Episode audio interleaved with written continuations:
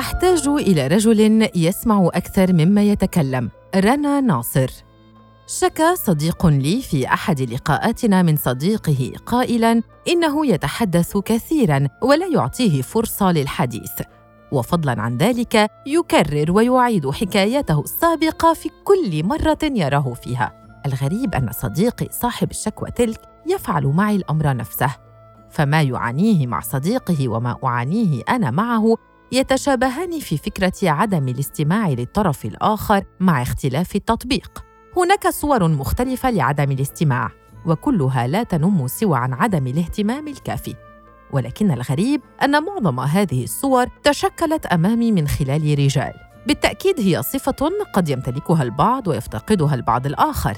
ولكن من بين كل الفتيات والسيدات اللواتي أعرفهن هناك امرأتان أو ثلاث على الأكثر لا يتقن فن الاستماع. وبعضهن يقمن بمحاولات بينما من بين كل الرجال الذين عرفتهم لم يكن من بينهم سوى رجلين أو ثلاثة يتقنون فن الاستماع. صديقي الذي ذكرته يعطيني فرصة للحكي والإفصاح عما بداخلي ولكنه لا ينصت للحديث. حقيقة ينظر إلي وكأنه يسمعني بينما يكون هو غارقا في أفكاره. والأسوأ أنه أحيانا يبرز لي أنه بالفعل لا يستمع إلي. فينشغل بهاتفه الشخصي وبعد أن ينجز ما يفعله ينظر إلي ويقول لي بكل لطف وإنت عاملة إيه؟ فأكتفي بأن أقول له بخير.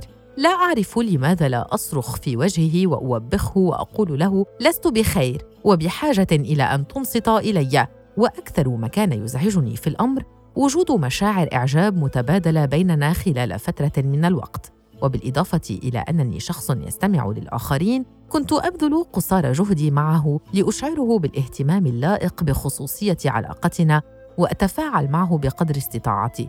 في المقابل لا أتذكر أنه استمع إلي بإنصات واهتمام في مشكلة تخصني سوى مرتين خلال عامين. لي صديق وهو مستمع جيد جدا قال لي ذات مرة تعليقا على الأمر أنه حتى الرجل الذي لا يمكنه الاهتمام أو الاستماع لكل من حوله يكرس طاقته لإنسان واحد فقط وعلى الأغلب يكون هذا الإنسان حبيبته أو زوجته.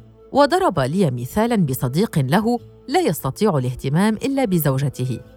آلمني حديثه لأني شعرت أن هذا الإنسان لم يكن يبادلني مشاعر حقيقية لذا لا يرغب في تكريس طاقته لي. وعندما تناقشت مع زميل آخر في الوسط الثقافي بشأن الموضوع قال لي الرجل يفضل ألا ينصت لحديث المرأة التي تحبه على أن يستمع إليها وهو لا يستطيع أن يجد حلاً لمشكلاتها.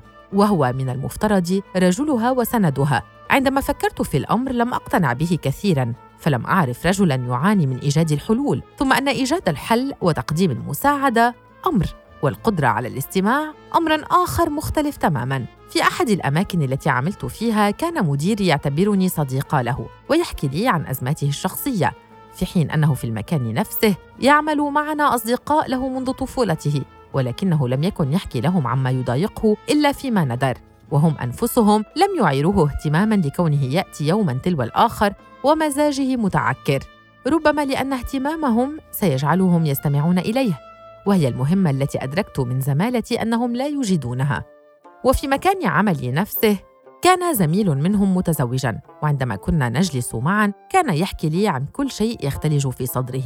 كان يقول لي أنا أتفه من كده معك بتكلم في مواضيع عميقة. مع الوقت ومع استماعي إليه دائما وهو الأمر الذي لاحظت أنه لا يتقنه فلم تكن يوما لأحاديث متبادلة. شعرت أنه بدأ يميل لي بل انفرطت منه الكلمات ذات مرة وعبر لي عن مشاعره التي كان يجب أن تظل في طي الكتمان. التزمت الصمت وكأني لم أفهم ما يعنيه ولما شعر تجاهي بهذا رغم اختلافاتنا الجسيمة ورغم أنه رجل متزوج أدركت من أحاديثه عن زوجته أنه تقريبا لا يدور بينهما حوارات كالتي تدور بيننا لا يسمعها ولا تسمعه أنا من كنت أسمعه فمالت مشاعره لمن يسمعه ويهتم لأمره. لي صديق آخر لديه إحساس واهتمام بالذات زائد عن الحد، يجعله طوال الوقت يهتم بأن يكون بؤرة الحديث. فإما أن يمسك بدفة النقاش ونحن نستمع إليه، أو أن أحاديث الآخرين تنطلق تعليقاً على الموضوع الذي رواه. فهو لا يسمح لأحد بأن ينتشل منه دائرة الاهتمام أو مركز الحديث. وصديق ثالث يستمع للآخرين ارضاء لفضوله لا أكثر. ينصت عندما يريد أن يعرف معلومة معينة عن الشخص الذي أمامه. نعم الفضول صفة يتقاسمها الجنسان. ولكن بالنسبة لصديقات الفضوليات ينتهي بهن الأمر عند إشباع فضولهن بالمعلومة. وأما صديقي فقد يستغل فضوله الذي أعطاه فرصة الاستماع لتمثيل الاهتمام. فيقرر أحيانا تمثيل الاهتمام والقدرة على الاستماع في بداية معرفته بفتاة جديدة حتى يجذبها إليه. ولكنه في الواقع لا يهتم ولا يستمع. أثناء ممارستي لعملي الصحفي أستمع إلى الكثير من الحكايات على اختلاف مصادرها. وهناك حكايات تستنفذ كل طاقة الاهتمام الزائد بها. ولكن ولا مرة جلست إلى جانب أحدهم وهو يحكي واستمعت إليه بنصف عقل أو نصف قلب. فالاستماع يساوي الاهتمام. ومن حق الجميع الحصول على الاهتمام ما دمت ارتضيت أن تكون مستمعه. حدث أن قررت الانقطاع عن هؤلاء الذين تحدثت عنهم بسبب شعوري بالاستنزاف وشعوري بأنني الطرف الذي يستمع دائما إليهم.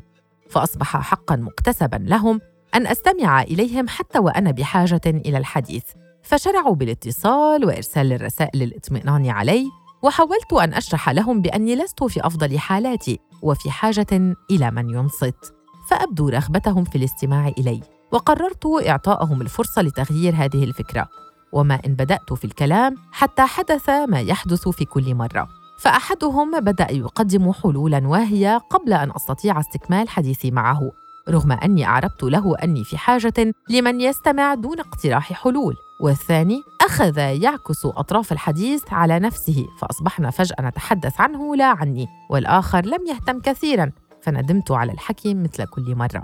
الرجلان أو الثلاثة الذين عرفتهم ويمتلكون القدرة على الاستماع وعلى اختلاف طريقة تفاعلهم مع المتحدث يستطيعون الاستماع في أي وقت دون كلل ودون قطع الحديث وهم أيضا من يعطوني الأمل في إيجاد رجل يسمع. فبالنسبة إلي شريك المراه ارتضى أن يكون المستمع الخاص بها رضا ضمنيا بمجرد أن أصبح شريكها. وأقل ما يمكن أن يقدمه لي شريكي هو أن يسمعني.